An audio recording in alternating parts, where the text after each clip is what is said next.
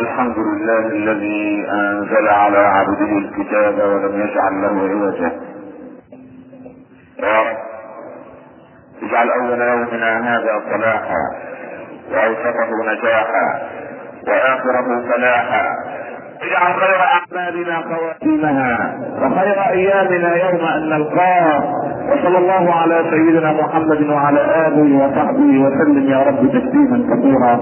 وأشهد أن لا إله إلا الله وحده لا شريك له وضع الحجة وأتم المحجة ويأبى الله إلا أن يتم نوره ولو كره الكافرون وأشهد أن سيدنا وحبيبنا محمدا عبده ورسوله بلغ الرسالة وأدى الأمانة ونصح الأمة وكشف الامة وجاهد بالله حق جهاده حتى أتاه اليقين. صل اللهم عليه وعلى آله وأصحابه وأزواجه وأتباعه. الذين آمنوا ولم يلبسوا إيمانهم بظلم أولئك لهم الأمن وهم مهتدون. أما بعد أيها الإخوة المسلمون هل المسلم غريب في وطنه أم هل نحن نعيش عصر الغربة التي أخبرنا بها الصادق المعصوم صلى الله عليه وسلم عندما قال إن هذا الدين سوف يعود غريبا كما جاء غريبا فطوبى للغرباء. قيل ومن الغرباء يا رسول الله؟ قال المستمسكون بسنتي عند فساد أمتي. من هم أهل الغربة؟ من هي الفرقة الناجية التي حدثنا عنها الحبيب المصطفى صلى الله عليه وسلم؟ افترقت اليهود على واحد وسبعين شعبة. وافترقت النصارى على اثنين وسبعين شعبة وتفترق أمتي على ثلاث وسبعين شعبة كلها في النار إلا واحدة. قالوا من يا رسول الله؟ قال ما عليه أنا وصحابتي صدق رسول الله صلى الله عليه وسلم. أمامنا أيها الإخوة الكرام نقاط ثلاثة. غرفة عامة وغرفة خاصة. وغرفة أخص الغرفة العامة التي يحياها المسلمون في العالم اليوم. والغرفة الخاصة التي تحياها الفرقة الناجية التي تحدث عنها الحبيب المصطفى صلى الله عليه وسلم. والغرفة الأخص هي غرفة الفرقة المنصورة التي وعدها رب العباد سبحانه وتعالى بالتمكين في الأرض وبالنصر على العدو. ما صفات هذه الغرفة العامة؟ وما صفات الغرفة الخاصة وما خصائص الفرقة المنصورة وما هي أخلاقيات دين النصر الذي نتوقاه في شبابنا وفي نسائنا وفي كبارنا وصغارنا. بعد أن رمانا اعداؤنا عن قوس واحدة من خارج الإسلام ومن تلاميذهم في داخل دول الإسلام عسى رب العباد سبحانه وتعالى أن ينصر دينه وأن يعلي كلمته وأن ينشر الإسلام على ربوع العالم كما نبأنا الحبيب المصطفى صلى الله عليه وسلم بعز عزيز أو بذل ذليل اللهم انصر دينك يا رب العالمين. غرفة عامة يحياها المسلمون في العالم اليوم لأنه اجتمع العدو الحاقد الذكي مع بعض من الأغبياء المتمكنين كما قلنا بأن يصير الإسلام غريبا على هذا المجتمع. وهؤلاء المجتمع العالمي الذي يريد أو يصف نفسه بالحرية والإخاء والمساواة والنزعة الإنسانية العالمية والشرعية الدولية إننا نحيا كمسلمين غرباء في هذا العالم لأنهم قد أخذوا الفتات المتساقط من حول موائدنا عبر التاريخ وأنشأوا به حضارات ثم بعد ذلك امتصوا دماءنا وأخذوا خيراتنا واستعمروا بلادنا الإسلامية. وكانت بلادنا كلها في العالم الإسلامي من شرق الهند إلى المغرب. ومن مصر إلى السودان إلى الشمال الأفريقي إلى الدول الإسلامية في أفريقيا وفي جنوب شرقي آسيا كانت عبارة عن مزارع للمصانع والمنتجات الأوروبية الغربية وكانت المواد الخام تؤخذ من بلادنا لتصنع هناك ليعاد بيعها مرة أخرى لنا بالملايين بعد أن كنا دائرين صرنا مدينين وبعد كنا أقوياء صرنا ضعفاء. فلقد تكأكأت الأمم علينا وتداعت الأمم علينا كما نبأنا الحبيب المصطفى. سوف تداعى عليكم الأمم كما تداعى الأكلة على قصعتها. قالوا أو من قلة نحن يومها يا رسول الله؟ قال بل أنتم يومئذ كثرة ولكنكم غثاء كغثاء السيل تنزع المهابة من قلوب عدوكم لكم وتصابون بالوهن. قالوا وما الوهن يا رسول الله قال حب الحياة وكراهية الموت حتى إن كل إنسان منا يقول أنا مالي أنا أربي عيالي أنا أنفق على أسرتي أنا لا أريد مشاكل أنا أصلي في مسجد قريب لكي لا يأتي إلي أو تأتي إلي مشكلة. عندئذ أصبنا بالوهن لأننا أحببنا أن نخلد في الحياة الدنيا فهذا الذي قص رب العباد سبحانه وتعالى عنه بلعام بن باعوراء الذي آتيناه آياتنا فانسلخ منها واتبع هواه والعياذ بالله رب العالمين وأخلد إلى الأرض ولا ولو شئنا لرفعناه بها ولكنه أخلد إلى الأرض واتبع هواه فمثله كمثل الكلب إن تحمل عليه يلهث أو تتركه يلهث. اللهم اجعلنا من الآمرين بالمعروف والناهين عن المنكر القائلين الحق لا يخافون فيك يا رب العالمين لو لائم إنك على ما تشاء قدير. غربة عامة نحياها كمسلمين ينظر العالم اليوم إلى عالمنا الاسلامي على أنه عالم أو العالم الثالث. هم يقولون نحن العالم الثالث. يعني يريدون أن يكون نحن العالم الأخير. نحن لأنه ليس هناك عالم رابع يعني تعتبر نعتبر أنفسنا عالما عاشرا أو عشرين أو مئة أو بالترتيب من آخر ذيل قائمة الأمم.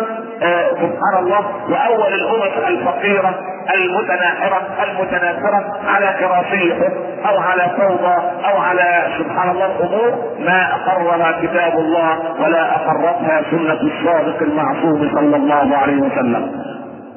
غربتنا العامة هذه نستطيع أن ندفعها أن نردها ألا نعتبر أنفسنا غرباء. نحن الذين يجب أن نحمل راية قيادة العالم كله فنحن أهل التوحيد. نحن أصحاب الدين الذي رضيه الله للعالمين دينا. اليوم أكملت لكم دينكم وأتممت عليكم نعمتي ورضيت لكم الإسلام دينا. من من من من أفراد العالم ومن من أمم العالم ومن من حضارات على مر التاريخ أولى برفع الراية وأخذ الزمام والمبادرة وقيادة العالم إلى رب العالم سبحانه وتعالى ورب العالمين أولى من أمة محمد صلى الله عليه وسلم. هذه الأمة التي كانت تعيش شتاتا في جزيرة العرب فجاء الحبيب المصطفى فوحدها تحت راية التوحيد وقادها إلى النصر ودخل الناس في دين الله أفواجا ما شعر المسلمون الأول أجدادنا الصالحون من الصحابة ومن التابعين بعدهم بإحسان ما شعروا بغربة إنما الذين كانوا يشعرون بالغربة في هذا العالم هي الأمم الأخرى التي تناحرت على الحكم والتي تنافست على القتال والتي بعدت عن رب العباد سبحانه والتي تركت التوراة والإنجيل وألقتها تحت أقدامها أو خلف ظهورها ما كان أولى من أمة محمد بقيادة زمام العالم وما كان أولى من سنة الحبيب المصطفى صلى الله عليه وسلم أن تكون نبراسا لهذا العالم. إن دفع هذه الغربة تقتضي أمورا خمسة. قبل أن ندخل في النوع الثاني من أنواع الغربة الأمر الأول الذي ندفع به غربتنا ألا يتنازع بعضنا مع بعض.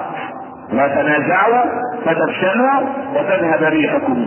الأمر الثاني أن نكون أذلة على المؤمنين أعزة على الكافرين. نحن ما زلنا أعزة للأسف على المؤمنين أذلة على الكافرين والعياذ بالله رب العالمين. نتهم كثيرا من دول الإسلام الموحدة أنها هي التي تصدر لنا الإرهاب وغيره ونمالئ دولا أخرى هي أحق بالإرهاب أو هم الإرهابيون الحقيقيون كما جاء في كتاب الله ووضح في سنة الحبيب المصطفى صلى الله عليه وسلم.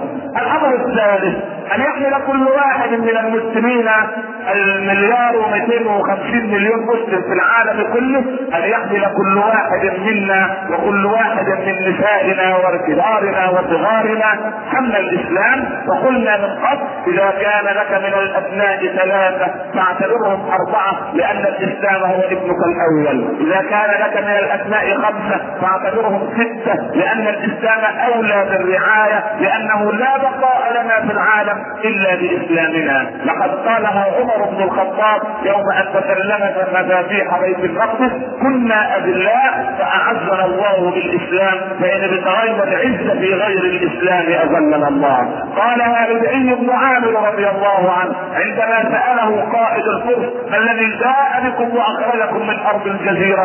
قالوا إن الله ابتعثنا لنخرج العباد من عبادة العباد إلى عبادة رب العباد. وابعثنا لنخرج الناس من شر الأديان إلى عدل الإسلام. وابتعثنا لنخرج الناس من ضيق الدنيا إلى سعة الآخرة. هكذا دفعوا الغربه لانهم صاروا على قلب رجل واحد. سمعوا كلام الله عز وجل وأعتصموا بحبل الله جميعا ولا تفرقوا.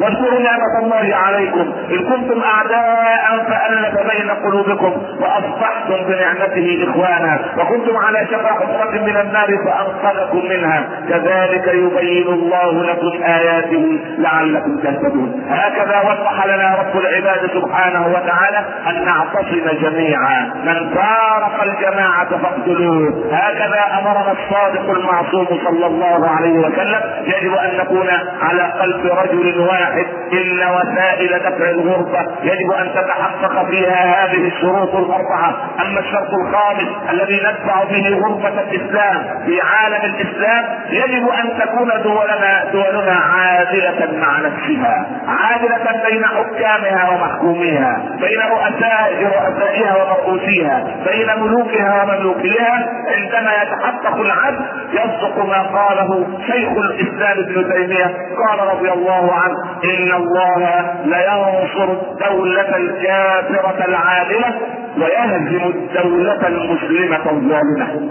هذه حقيقة في التاريخ كله. الله عز وجل لا يحابي سنة الله في خلقه. ولن تجد لسنة الله تبديلا. ولن تجد لسنة الله تحويلا. يجب أن نكون منصفون مع أنفسنا. يجب أن يكون الواحد منصفا مع نفسه. وأن يقتص من نفسه. وأن يكون انسانا عادلا مع غيره. وعادلا مع نفسه. لا يبحث عن حقوقه فحسب بل يبحث عن واجباته. بذلك نستطيع أن ندفع الغربة أضيف امرا آخر. ندفع به غربتنا ان نتمسك بأعالي الأمور ونترك سفساتها ونتفوق في مجالات الحياة. ليتفوق الطالب في مذاكرته. وليتفوق المهندس في هندسته. وليتفوق الطبيب في طبه. وليتفوق الشرفي في حرفته. عندئذ نأخذ زمام المبادرة مرة أخرى. نحن أولى من اليابان. نحن أولى من جنوب شرقي آسيا في هونغ كونغ وسنغافورة وغيرها. عملا التماثيل الدين لما أمسكوا بالأسباب أعطاهم رب العباد سبحانه وتعالى الأسباب كلها. ما علينا وديننا يأمر بالعمل وديننا يأمر بالإخلاص وديننا يأمر بالصدق وديننا يأمر بالعلم وديننا يأمر بعدم التفرق.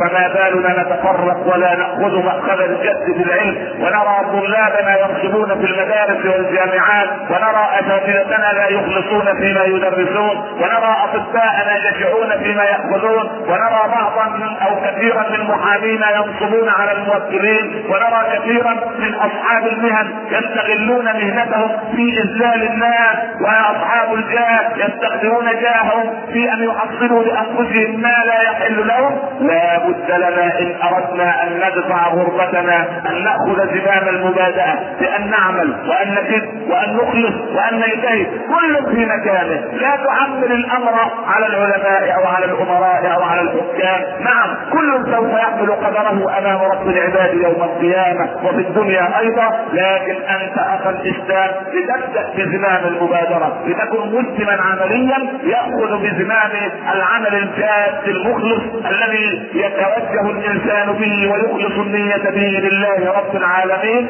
بذلك ندفع غربة العامة غربة الإسلام في عالم الكفر أو غربة المسلمين في عالم الإلحاد. أما النوع الثاني من الغربة غربة خاصة غربة الفرقة الناجية ثلاث وسبعون فرقة كلها في النار إلا واحدة. قالوا من يا رسول الله؟ قال ما عليه أنا وصحابتي. إذا الفرقة الناجية لها خصائص. فرقة موحدة لله حق التوحيد.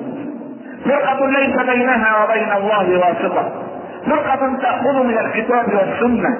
فرقة مستقيمة على طريق الله. فرقة صابرة مصابرة.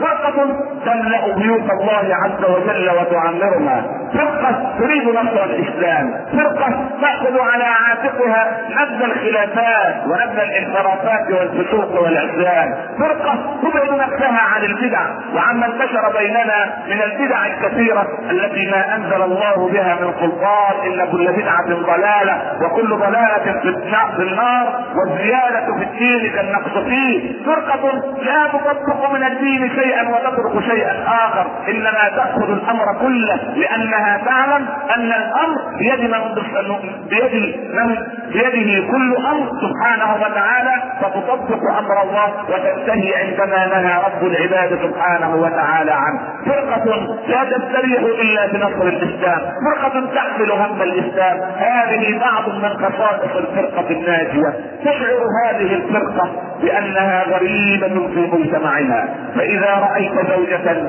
قد أكرمها الله عز وجل بنقاب أو حجاب عندئذ ترى أنها منبوذة في العائلة. وبالذات بعض العائلات التي تسمى بالاتيكيت أو الحيث الصيفي أو هذه المجتمعات التي لا أقول إلا أنها قد طمست بصائرها وسارت وراء الغرب. حذو النعل بالنعل حتى لو دخل الغرب جحر بطن لدخلوه خلفهم. يخرج عليهم رجال الازياء في أوروبا ويقولون إن قميص الرجل سوف تنثني ياقته هذا العام هكذا فإذا بهذه الفرق في بلاد الإسلام تثني سبحان الله ياقة قميصها كما قال مصمم أو سبحان الله مبعوث الأزياء الفرنسي أو مبعوث الأزياء الاوروبي إذا قال لنسائهم قصرنا الفساتين قصرات الفساتين إذا قال لبناتهم البسن أسورة من صورة كذا أو وضعنا وشكا من صورة كذا صرنا نبعضع كما يعملون. لكن لو قال لهم الله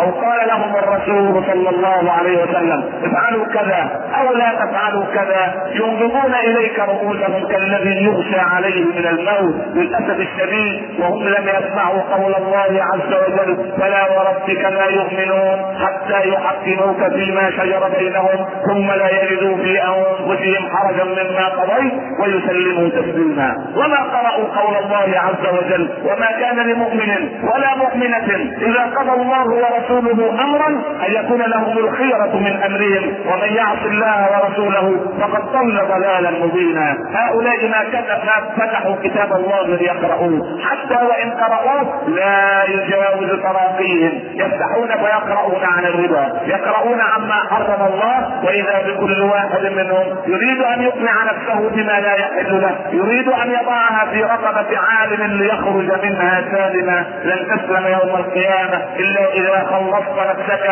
من هذه الانحرافات. وهذا الهوى الذي يحكمك ويحكم عقلك وقلبك يجب أن يكون هواك تبعا لما جاء به الحبيب المصطفى صلى الله عليه وسلم. دخل الرسول عليه الصلاة والسلام. فرأى أبا بكر يقرأ ويصلي ويخفض صوته.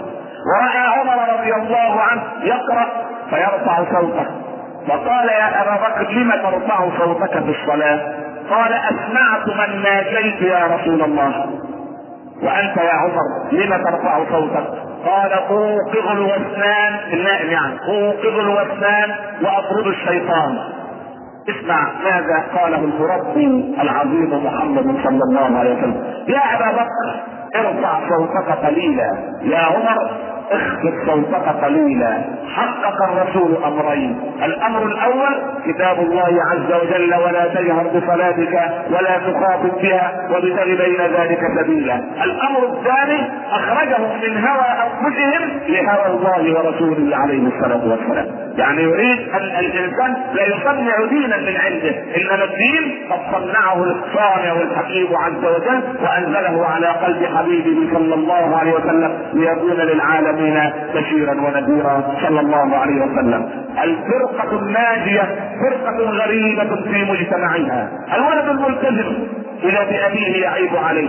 وعمه يعيب عليه وخاله يعيب عليه وأخوه الأكبر يحر بحلق اللحية وأخته تخاف عليه وأمه تخاف عليه فيقول لا داعي للصلاه بالمسجد هذه فرقة غريبة في مجتمعها غريبة بين الموحدين غريبة بين المسلمين. يقول هؤلاء المتمسكون نعم نعلم أن هذا حق وأن هذا واجب وانها سنه مؤكدة وأن كذا وأن كذا لكن الظروف لا تداع ولكن الأمر غير ذلك وأن الدين بالعقل ليس سبحان الله كل هذه الأمور إنما هم أناس يريدون أن يحققوا أمر البدع وأن يجنبوا أمر السنة بعيدا. ولكني أقول سوف تظل طائفة من أمة محمد قائمة على الحق. لا يضرها من